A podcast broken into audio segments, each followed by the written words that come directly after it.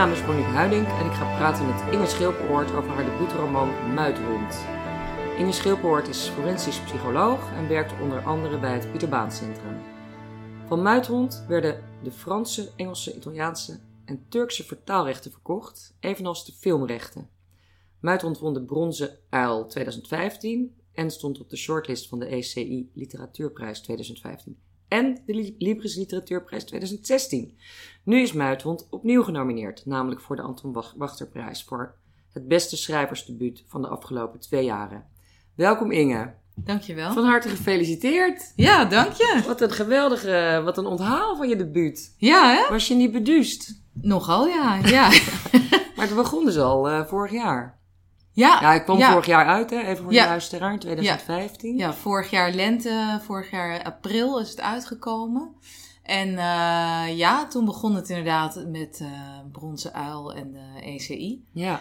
En uh, ja, het is ongelooflijk. Eigenlijk ben ik er nog steeds wel beduust van. Ja, ja, ja. Want ook verfilmd, hè? Wanneer gaat dat gebeuren? Nou ja, of het echt verfilmd wordt, dat, uh, dat, ja, precies. Dat uh, is nog niet helemaal zeker. Het hangt van de geldverstrekking af. Maar ik heb net toevallig gisteren gehoord dat de regisseuse die het heeft aangekocht, dat hij nu door de tweede ronde, twee van vier, heen is in het aanvragen van, van, van geld. Van de ja. benodigde ja. pecunia. Ja, dus dat gaat vooralsnog goed. Ja, ja dus nou, dat is heel leuk. leuk. Ja. Geweldig. En dat is in verschillende talen vertaald. Dus uh, verschijnt ook. Uh, is die al verschenen in Frankrijk, Engeland en Turkije? Weet je dat? Nog niet. Is nog geen uh, vertaling. Ze zijn nu bezig inderdaad. En het is inmiddels ook aan Noorwegen verkocht. Wauw. Ja, dus... dat moet toch wel een, ge een geweldig gevoel geven. Ja, het Als is je echt... zo begint. Het is ongelooflijk. Wow. Ja. ja. heel leuk. Je bent forensisch psycholoog. Ja. Uh, en je werkt onder andere bij Pieter Baan Centrum, wat ik net al gezegd ja. Wat houdt dat werk in? Um, wat het inhoudt is, bij het Pieter Baan Centrum worden mensen opgenomen voor zes weken. Die worden verdacht van uh, een, ja, meestal een ernstig delict. En ze worden daar eigenlijk op hun persoonlijkheid onderzocht. En het gaat dan vooral over toerekeningsvatbaarheid. Dus ze worden zes weken binnenstebuiten gekeerd, zeg maar. Psychologisch en psychiatrisch en zo. En uh, ja, dan met een heel team, dan, dan probeer je vast te stellen of iemand een psychische stoornis heeft. En uh, nou ja, goed. En wat is jouw verhaal, maar... taak daarin? Uh, nou ja, ik ben een van de leden van het team. Ik ben uh, de psycholoog, dus ik doe psychologische testonderzoek en veel gesprekken, dossieranalyse, dat soort dingen. Oké. Okay. Ja. Want werk je ook met, met werkboeken? Want er komt een Nee. werkboek in jou, in dit boek, voor. Ja, dat klopt. Ja, ik ben zelf niet- geen behandelaar, dus ik. Oké. eh, dus Aha. daar werk ik zelf niet mee. Nee. Maar ik doe wel soms onderzoeken ook in TBS-klinieken. En daar werken mensen soms wel inderdaad met zulke soort eh, boeken. Dat klopt. Ja, Ja, Nou, dus daar komen we later nog op terug. Ehm, maar goed, je hebt dus eh, psychologie gestudeerd. Je hebt nog allerlei andere vervolgopleidingen gedaan, zag ik op LinkedIn. Maar je hebt, op een gegeven moment ging je ook naar de schrijversvakschool, zag ik. ja. Wanneer besloot je dat het tijd werd om schrijver te worden? Wanneer wilde je dat al? ja, eigenlijk als kind al. Ah ja. Ja, en met name, of tenminste, toen schreef ik in ieder geval altijd heel veel. En ik weet wel eh, op de middelbare school dat ik wel, eh, dat dat eigenlijk mijn grootste wens was, om schrijver te worden. Ja, wat, wat had je dan voor ogen? Wat stond je voor ogen? Ja, ik weet niet. Ik was toen, eh, toen ik een jaar of 15, 16 was, was ik heel erg fan van Renate Dorrestein. En die boeken, die, die, die las ik dan eh, achter elkaar en dan nog een keer en nog een keer. En dat, ja, dat wilde ik ook, zulke soort boeken schrijven. Ik heb toen ook nog een keer, toen ik 16 was, een brief ook gestuurd aan haar. of tenminste, geschreven. Ik heb hem nooit verstuurd. Oh. Om te vragen, om tips te vragen van Hmm. hoe word je nu schrijver, Ja. weet je. Dat, eh, ja, dat is, dat, dat is ook nog niet zo makkelijk, eh, het proces natuurlijk. Maar stond je dus, je, je, had, je had er niet een beeld bij van dan ga ik zo'n soort leven leiden. Het was echt puur, ik wil zulke soort boeken schrijven. Ja, dat vooral, ja. Ah, ja. ja. Ja, en ik, had, ik schreef ook altijd wel inderdaad verhalen. En ik ook, toen ik 18 was, heb ik ook voor het eerst geprobeerd een boek te schrijven. Nou ja, dat, dat mislukte natuurlijk. Maar goed, ik, ik begon er dan wel aan. Daar heb ik de hele zomer dan aan zitten werken. Dus ik was er wel altijd inderdaad eh, En waarom mislukte mee dat bezig. dan? Ja, Het was gewoon niet goed natuurlijk. ik wist toch niet zo goed waar ik het over moest hebben uiteindelijk. Oh, ja, ja. En, en hoe het dan verder moest na drie hoofdstukken, weet je wel. Maar dat heb ik eigenlijk vrij lang wel gehad. Dat ik veel schreef, maar nooit echt iets afmaakte. En uh, toen op een gegeven moment ben ik naar die schrijversvakschool gaan doen. Ook om, ja, ik werkte toen, toen wel al. En uh, uh, ja, ik, ik had ook behoefte aan iets gestructureerder bezig zijn met schrijven. Dat je echt, nou ja, constant wel bezig moet blijven. En, en kritiek krijgt, een commentaar krijgt waar je van kan leren. En dat soort... En wat heb je daar geleerd? Nou, ik heb er vooral heel veel afgeleerd, denk ik. Ik heb vooral veel inderdaad veel leren schrappen.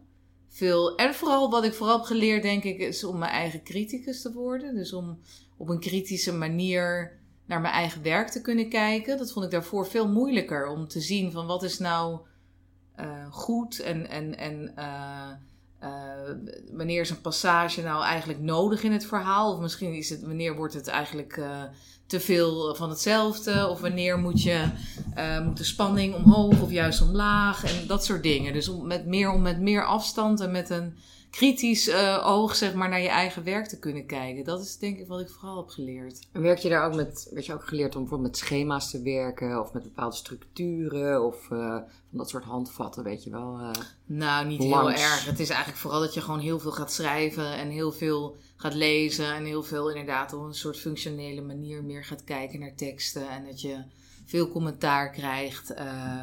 Dus het is wel een vrij individuele aanpak uiteindelijk. Oh ja. En hoe heb je Muithond geschreven? Had je daar een structuur voor vooraf? Heb je post-its aan de, aan de muur? Of, uh... Ja, op een bepaald moment wel, ja. Het is begonnen als een kort verhaal, het boek. Maar dat is echt al jaren geleden. En toen op een gegeven moment ben ik het gaan uitbreiden. En toen wilde ik er een novelle van maken. En daarna wilde ik er een roman van maken. En toen dat eenmaal zo ver was dat ik wilde dat het een roman werd... toen ben ik inderdaad wel veel gaan werken met... uh, briefjes, een hele bureau, uh, bureau vol met briefjes. Met aantekeningen over de personages, maar ook over de structuur van het verhaal. En, uh, ja. ja. Dus je had hem al snel, die Jonathan. Je hoofdpersoon heet Jonathan. Ja, ja, die had ik, ja, die heette wel eerst anders trouwens. Maar ja, die had ik wel al snel. Maar het, hele, het hele schrijfproces om er echt een boek van te maken waar ik ook tevreden mee was, dat heeft wel lang geduurd. Hoeveel jaar? Ja, veel. Want dat, dat, korte verhaal, dat is misschien wel acht, negen jaar geleden of zo, denk ik. Oh ja. ja. en daarna een paar jaar deed ik weer allerlei andere dingen. Toen zat ik nog op de schrijversvakschool toen ik dat verhaal schreef. Toen ben ik dat later uh, weer op gaan diepen, omdat ik er toch... Het bleef maar in mijn hoofd zitten. En toen ik echt had besloten van, nou, dit moet langer. Ik wil er een boek van maken. En dan, ja, dan denk ik ook nog wel vier jaar of zo. Ja, ja. Ja, echt wel lang. En ook wel tussendoor maandenlang... Uh, uh, viel het stil soms. Dan schreef ja, je moest niet. natuurlijk ook werken. Ja, ja, maar dat was ook wel vaak uh, gewoon dat ik zelf dan vast zat. En dan was ik er nog wel veel mee bezig in mijn hoofd. Maar dan schreef ik bijvoorbeeld gewoon een tijdje niet. En uh, ja, dan begon ik weer. Dus het is wel een heel proces geweest. Ja, ik kan me ook wel voorstellen. Want het onderwerp is ook vrij pittig. Ja, precies. Ja, ja. nee, dat is ook zo. Ja. Even een beetje vertellen. Zonder dat we alles gaan verraden, want dat is niet leuk. Dat vinden sommige mensen dan zelfs een reden om deze podcast uit te zetten. Maar we verklappen niks over, over de, de, de uitkomst van het verhaal. Uh, maar in Muitond volgen we eigenlijk de versmachtende worsteling, want dat kunnen we toch wel zeggen, want het is ook de hele tijd ontzettend warm mm -hmm. tijdens uh, dit verhaal. Dus de, de, versmachtende worsteling van Jonathan met zijn seksuele aberratie. Dat is uh, in zijn geval pedofilie. Ja. En uh, het verhaal begint op een, op een zeer warme zomerdag. En dat blijft ook gedurende het hele boek, blijft het maar ontzettend warm.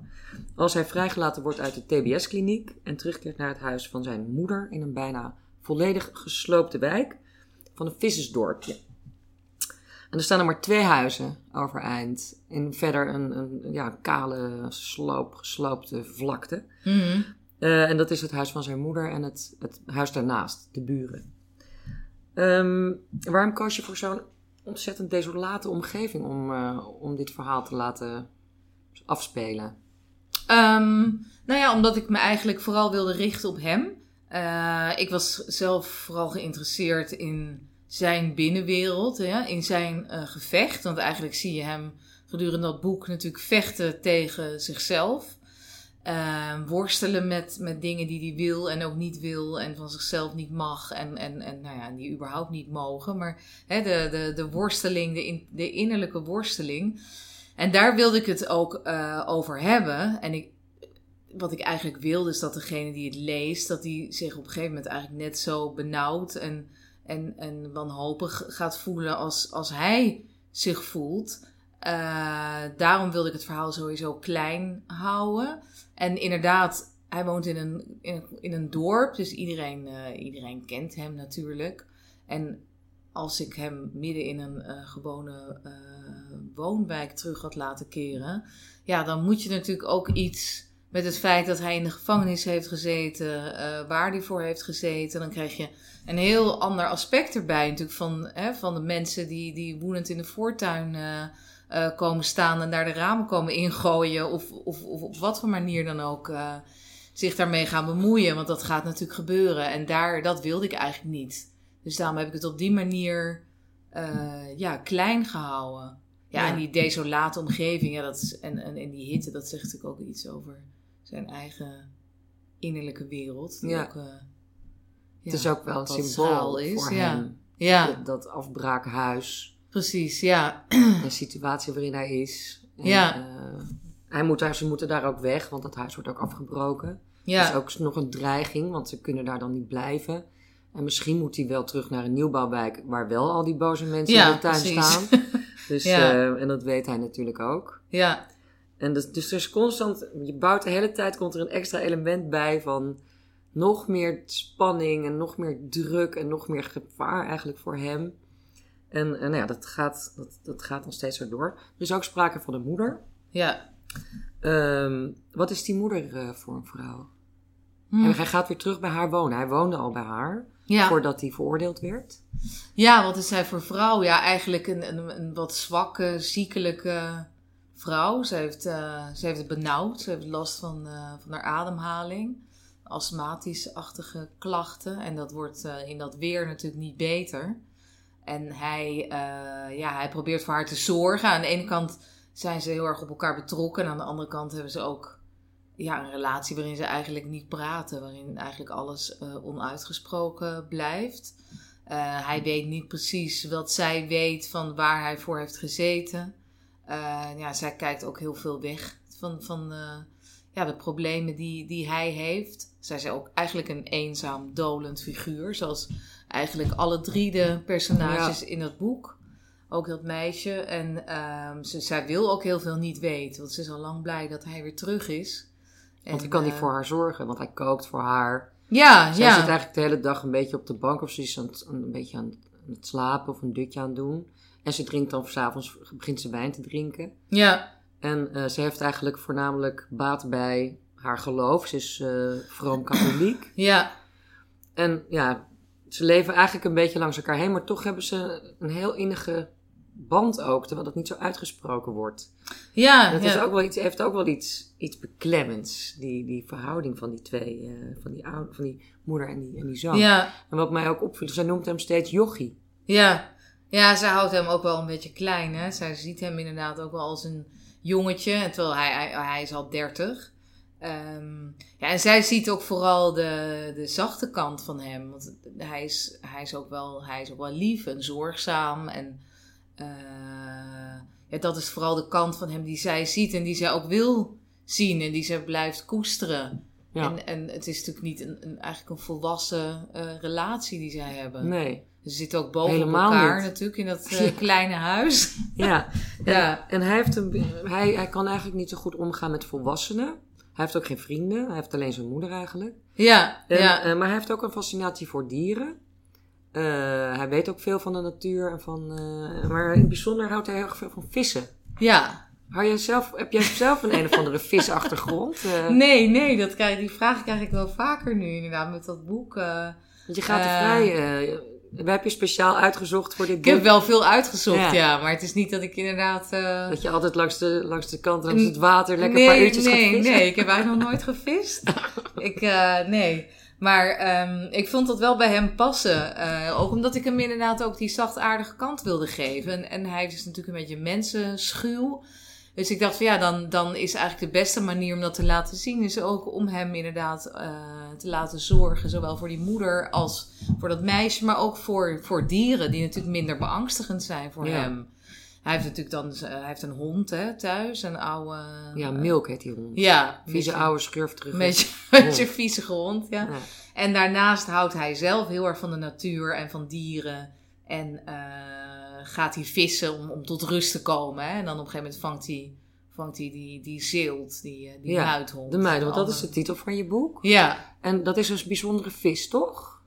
nou ja, in zoverre, het is, eh, ja, ik vind het zelf wel een mooie vis. Het is een karperachtige. Het is, een Is het ook dat u, de, de, de vis die op de omslag staat? Ja, ja, ja, ja, dat is hem. Het is, eh, ja, een zeelt is zeg maar de, de gebruikelijke naam voor die vis.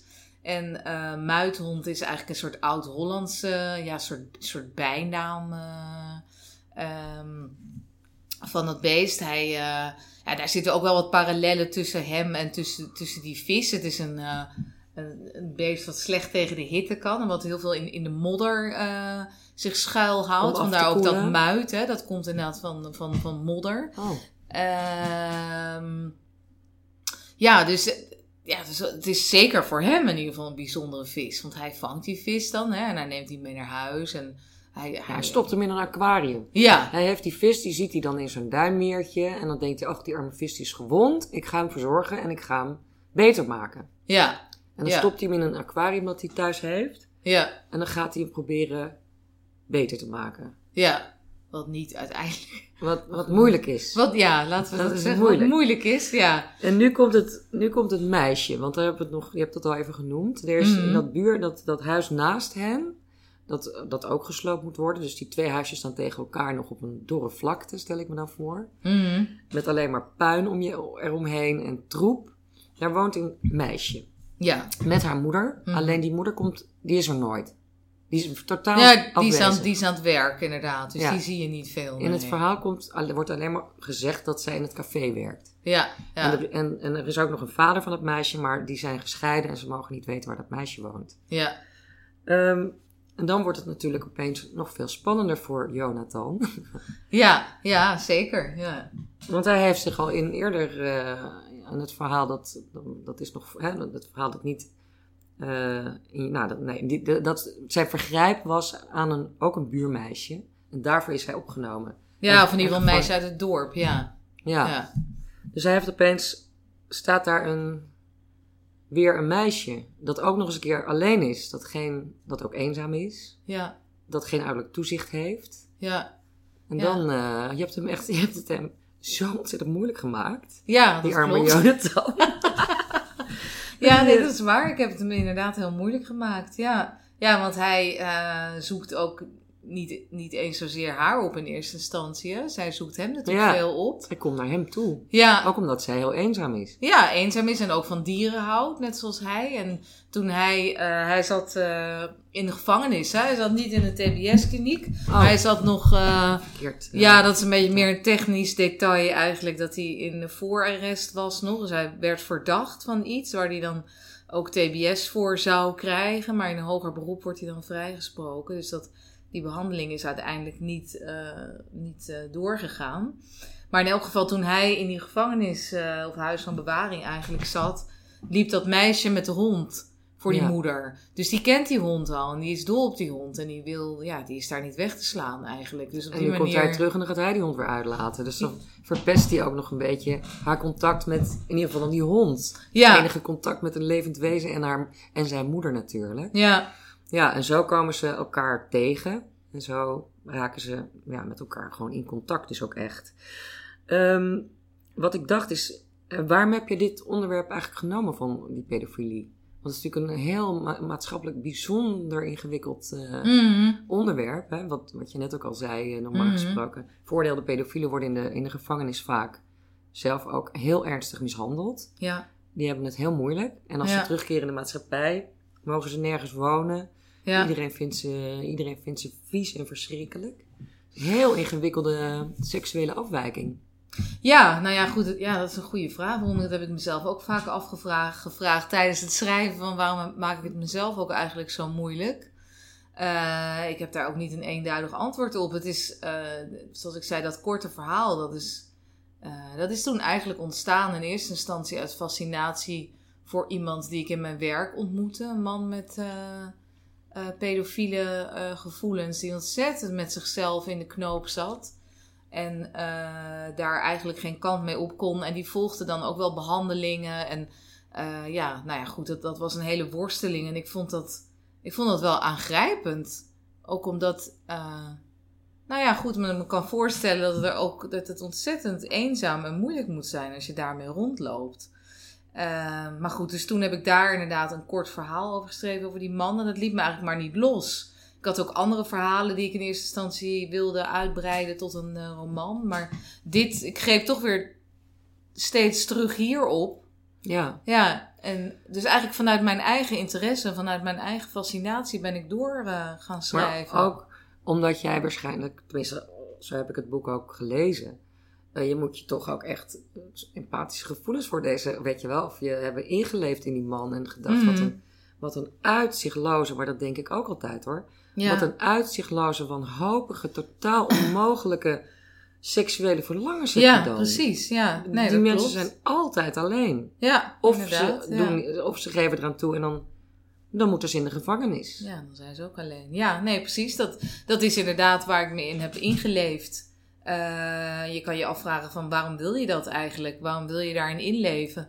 Maar eh, ja, Ja, op de een of andere manier eh, wilde ik dat en liet me dat niet los. En ging ik ook wel, ondanks dat, dat die man natuurlijk dingen heeft gedaan.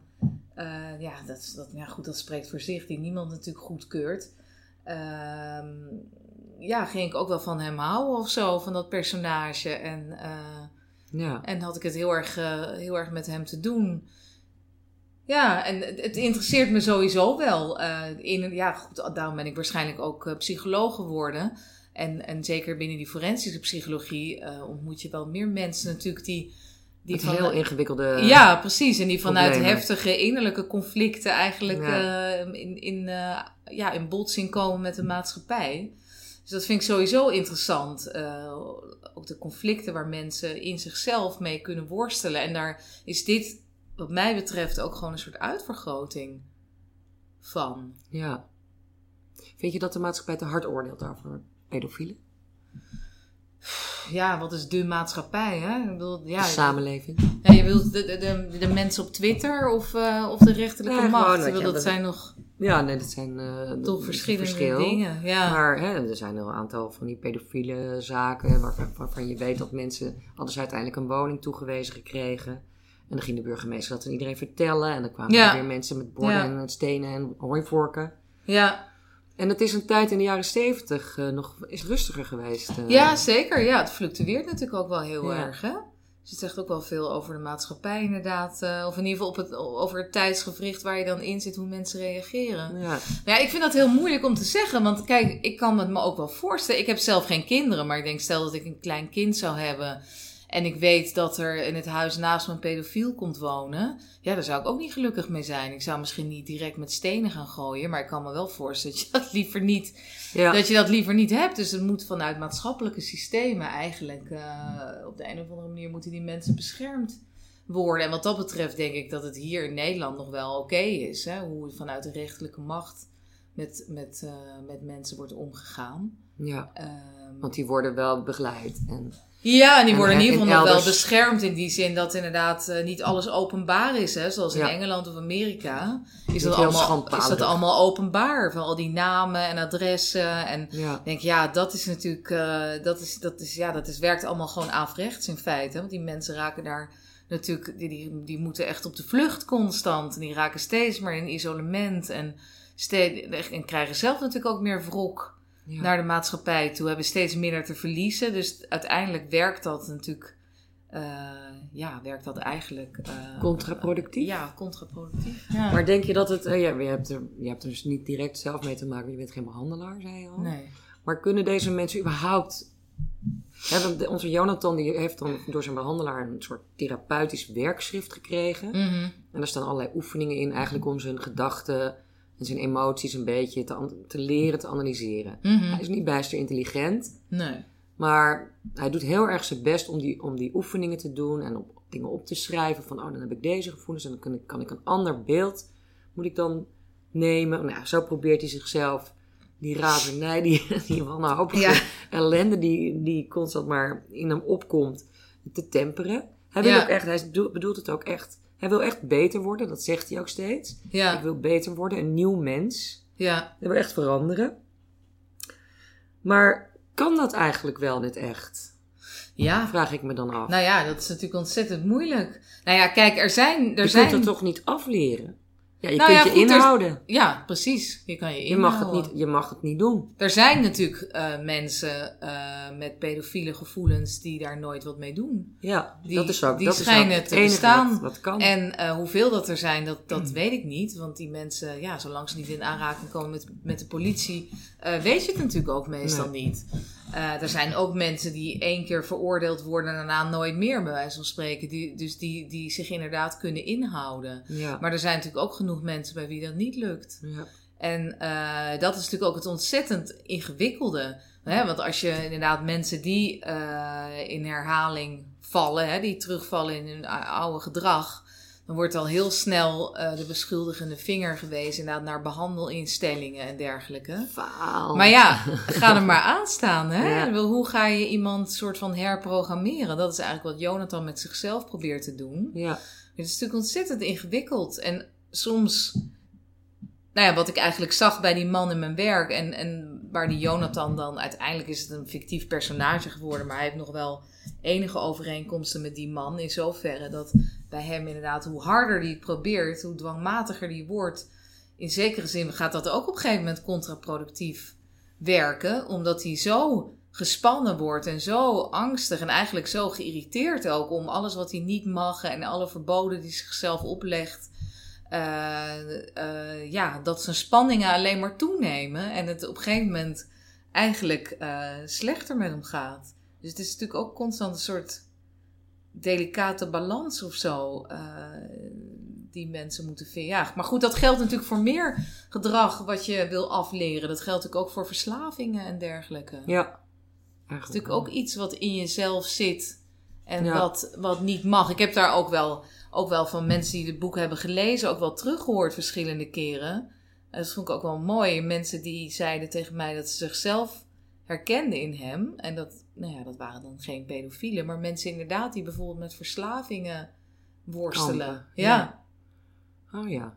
Want ik vroeg me af of het inderdaad, of je nou specifiek dwangmatige dingen voor hem had bedacht. Die specifiek bij pedofilie horen. Nee, nee, nee. Dat, is niet nee. zo. Nee. Nee. Want hij, heeft bijvoorbeeld, hij kan heel moeilijk tegen harde geluiden.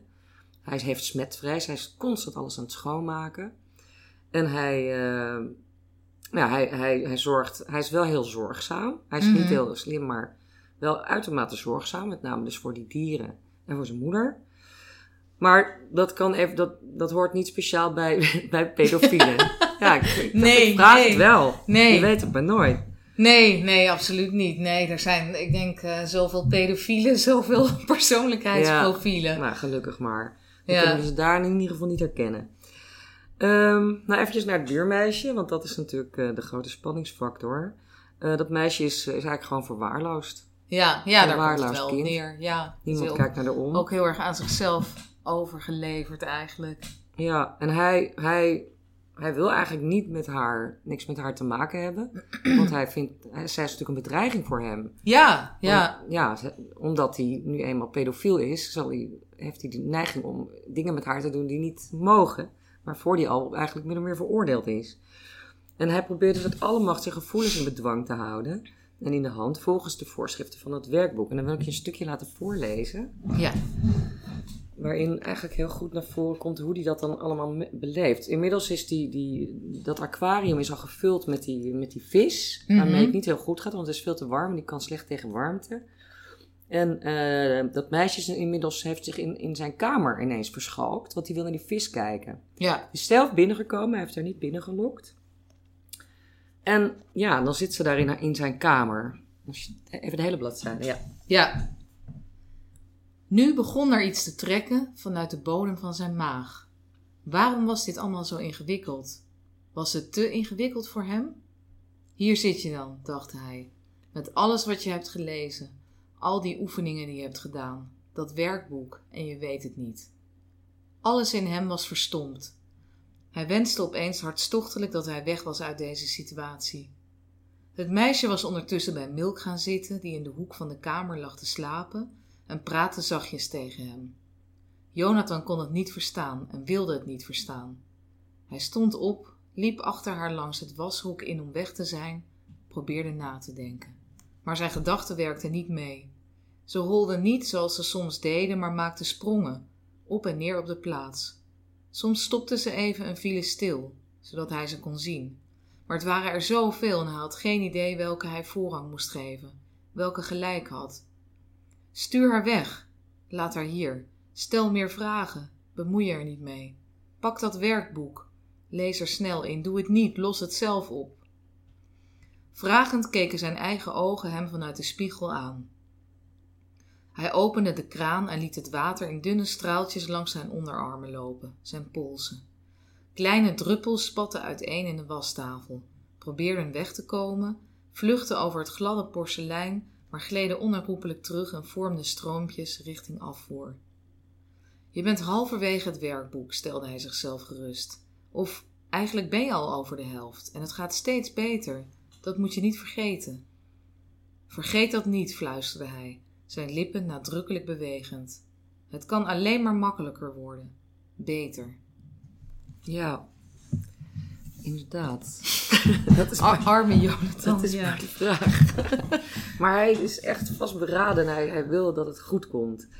Nou ja, nou, dit, hè, naarmate het boek vordert, heb je echt een duizelingwekkende spanning opgebouwd. Ik zat op een gegeven moment bijna hijgend te lezen. Oh, oh god, weet je, oh, oh, die armen. Nou ja, al die, oh, oh. Die armen iedereen ja, eigenlijk. wat gaat er gebeuren? Wat een toestand. Maar je, moet helemaal, je bent helemaal in de huid gekropen van die, van die Mhm. Jonathan. Dat moet wel. Ja, Had je Klopt, niet, ja. wat deed, deed het je bij jezelf dan ook niet? Want je zei dat je af en toe zijn maanden niet schreef. Dat je ook er helemaal echt, nou ja, bij wijze van spreken ook, ja, ehm, emotioneel van in de war raakte. Ik bedoel niet dat je pedofiel zou worden, maar van die enorme Gelukkig niet. spanning. Zo'n spanning eh, die je... Mm. Of, of kon je dat heel goed... eh, Ja, dat viel wel mee eigenlijk. Ja, het is gek hè. want Soms, ik heb laatst vroeg iemand ook aan mij van ja, dan zit je de helft van de week in dat Pieter Baanstein zo met allemaal Engerts te werken. En dan ga je de rest van de week ga je schrijven. En in plaats dat je dan een luchtig boek schrijft, dan ga je je Ja. verdiepen in, in weer een soort duister, duister hoofd. Ja, Maar ja, daar had ik op zich niet zoveel last van. Ik vond wel, ik vond het schrijven gewoon moeilijk. Daarom hield ik er af en toe mee op dat ik het even niet meer wist. Wat ik wel moeilijk vond is, ehm, of vooral moeilijk vond, was eh, beslissingen maken binnen het verhaal. Van hè, hoe, hoe gaat het verder? Op een gegeven moment moet je toch die personages van wie je wel bent gaan houden, iets, iets gaan aandoen, zeg Ja. maar. Dat vond ik lastig. En had je wat dat ik niet ook. van tevoren bedacht? Ben je Nee, echt, naarmate je niet. schreef, ben je ook eh, plotwendingen gaan bedenken? Ja. Oh. Ik heb heel lang heb ik, wist ik niet precies. Ik wist wel ongeveer hoe ik wilde dat het afliep, maar niet precies. En wat ik eh, wel heel lastig vond om te schrijven was. ehm, ja, ik kan natuurlijk niet veel, te veel vertellen over wat er echt gaat gebeuren. Nee. Maar zeg maar zijn gedachten over haar die eh, op een gegeven moment seksueler van aard worden, zeg maar. Dat, vond, dat heb ik ook wel een hele tijd uitgesteld. Om dat zeg maar echt meer die expliciete passages te Ja. Dat vond ik wel lastig, want dat, ja, dat staat natuurlijk echt ver van me af, gelukkig.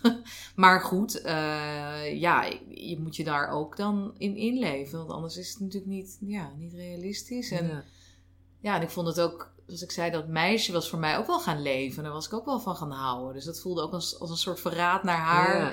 Om op die manier over haar Dat te... je haar zo in gevaar brengt. Ja, ja, ja. En ook om zulke soort gedachten over haar te hebben. Want Ja. uiteindelijk ben ik degene natuurlijk die dat bedenkt. Ja.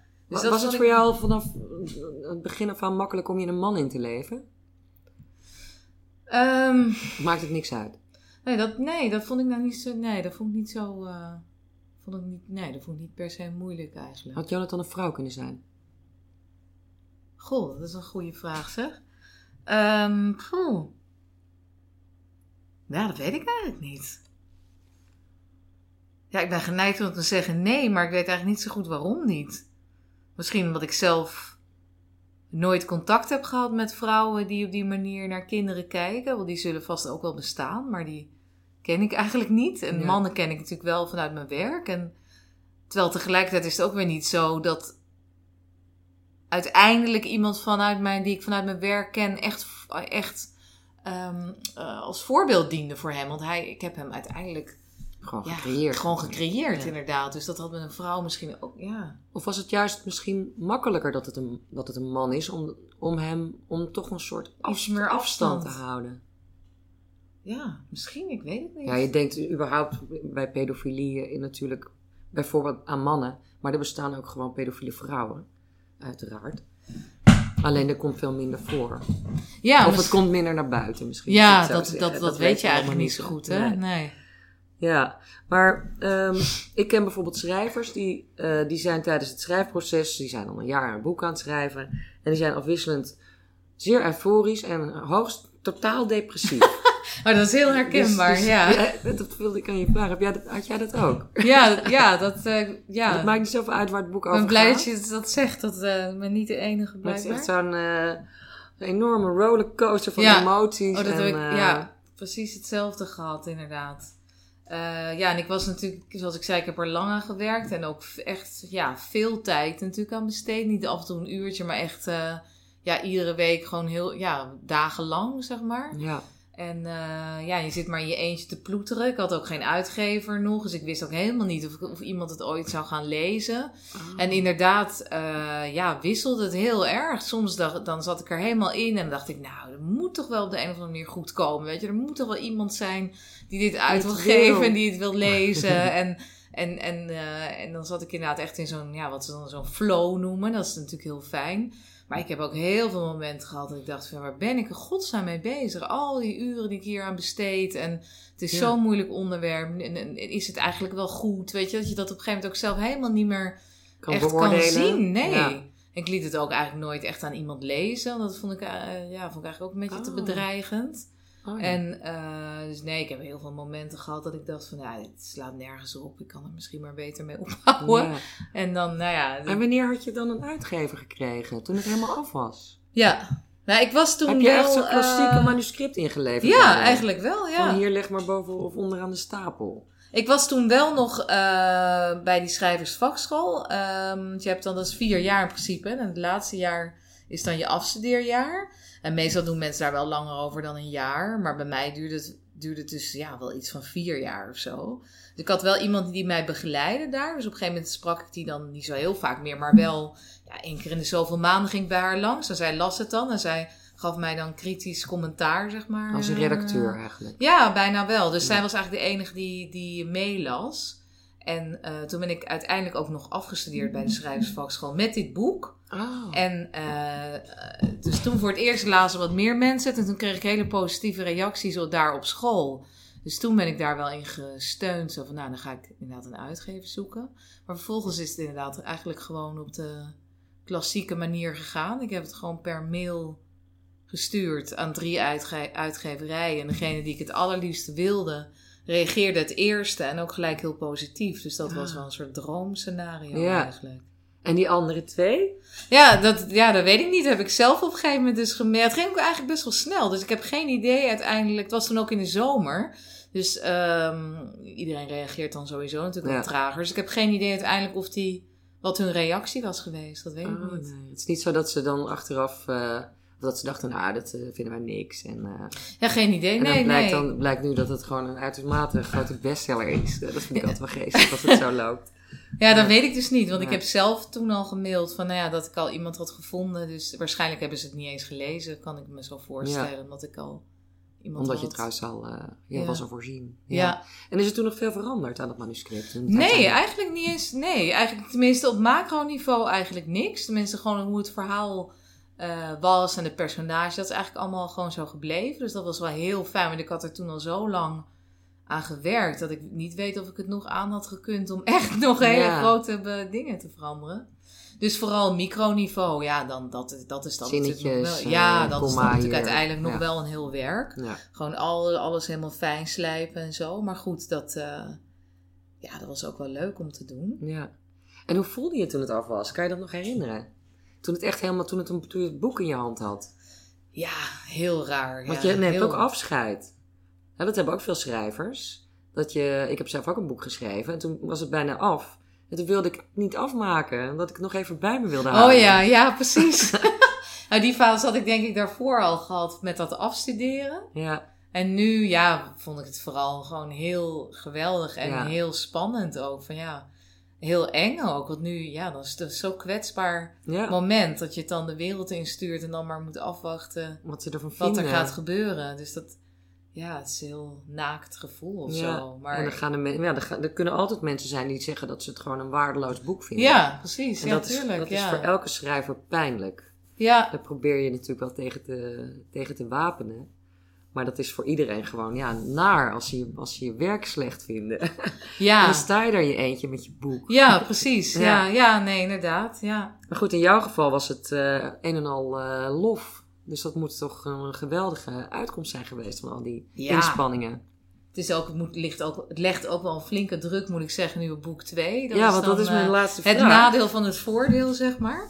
Maar kijk, uiteindelijk is het natuurlijk fantastisch dat het zo gegaan is. Dat is Ja. echt een soort droom. Ja, Ehm, maar ja, inderdaad, die tweede, dat is nog wel even... want je bent wel bezig met het tweede boek. Ja, min of meer. Maar ik maak wel veel omtrekkende bewegingen. Ik heb, in principe heb ik een soort scenario liggen, zeg maar, voor boek 2. Mhm. En, ehm, maar ik merk wel dat ik het aan het uitstellen ben om echt te gaan zitten en echt te gaan schrijven. Je, hebt nog nu- niet, eh, nog, je bent toch eigenlijk gewoon niet begonnen? Nou, wel begonnen in die zin dat ik inderdaad wel veel heb gedacht en veel heb uitgeschreven over hoe het moet gaan en waar het over moet gaan. Want ik heb ook bij het Letterenfonds een beurs aangevraagd en dan moet dat natuurlijk ook. Ja. Dus dat was een hele goede stok achter de deur. Ja. Maar echt het feitelijk gaan zitten en schrijven, dat eh, heb ik nog niet zoveel gedaan. En ik heb dan steeds ook wel als smoes voor mezelf dat het heel druk is. Ja, Ja. dat is ook zo, want ik heb nog steeds druk met interviews en zo. Ja. Ehm, maar goed, ehm, binnenkort is de laatste, eh, laatste prijzen ge- gebeuren, zeg maar. ja, die Anton Wachterprijs. En dan eh, heb ik geen excuus meer. dan moet je eraan beginnen. Dus dan ga ik echt Ja. beginnen. Ja, en ik heb ook afspraken nu met de redacteur. En ik heb ook wel zin in hoor. En is het, Eh. wat is het voor onderwerp? Of wil je dat zeggen? Nee, daar wil ik eigenlijk nog niet zoveel over Nee, zeggen. Of eigenlijk niks? niks. Nee, nee, eigenlijk niet. Is het, niet, is het geen pedofiel als nee, hoofdpersoon? dat niet. Nou, dan weten we toch iets. Ja. Maar heb je dan ook nu zoiets van... Hè, nu heb je de, de- deze enorme bevalling eh, succesvol afgerond. Dit kind is eh, op een geweldige manier de wereld ingeholpen. En nou dat tweede boek. Dat is, dat is natuurlijk ten eerste een hele hoge verwachting. Want dat moet beter zijn dan deze. Nou, gaan we maar aanstaan. dat, dat, dat wordt denk ik lastig. maar zie je ook op tegen het werk? Tegen Ja. die euforie en die depressies. en Ja, die- tuurlijk. Ja. Is- ja, aan de ene kant heb ik er, ja, het is nu eigenlijk al heel tegenstrijdig. Net als inderdaad wat je zegt, die euforie en die depressie. Ja. Dat ze nu inderdaad eh, aan de ene kant zin hebben en aan de andere kant denken van nee, ik wil Oh, niet. Ja, maar ik wil nog Dus, even eh, uitstellen. Ja, Ja, want heel veel mensen beseffen dat helemaal niet. Dat het schrijven, dat klinkt allemaal super romantisch. Weet je wel. Dan Ja. zit je lekker te tikken. Mhm. en Je bent helemaal blij en je neemt een glas wijn. En, en sommige mensen roken er nog een pijp bij voor zich klassieke muziek Maar, aan. maar de ja. meeste schrijvers die... Ik ben niet eh, de, de romantiek van dat was een leidersweg. Dat vind ik ook een beetje overdreven. Maar die gaan echt door heel veel verschillende stadia van emoties. En Dat Ja, beseffen heel veel zeker. lezers helemaal niet. Hoe een toestand het ook kan zijn. Klopt. En nee, dan dat begrijp ik ook wel dat je dan denkt, oh, nou, nog heel even uitstellen. Maar goed, ehm, je gaat er toch aan beginnen. Dus we kijken nu allemaal uit naar het tweede boek. En dan dank ik je voor dit gesprek. Ja, jij ook bedankt. Ik sprak met Inge Schilperoort over haar boek Muithond.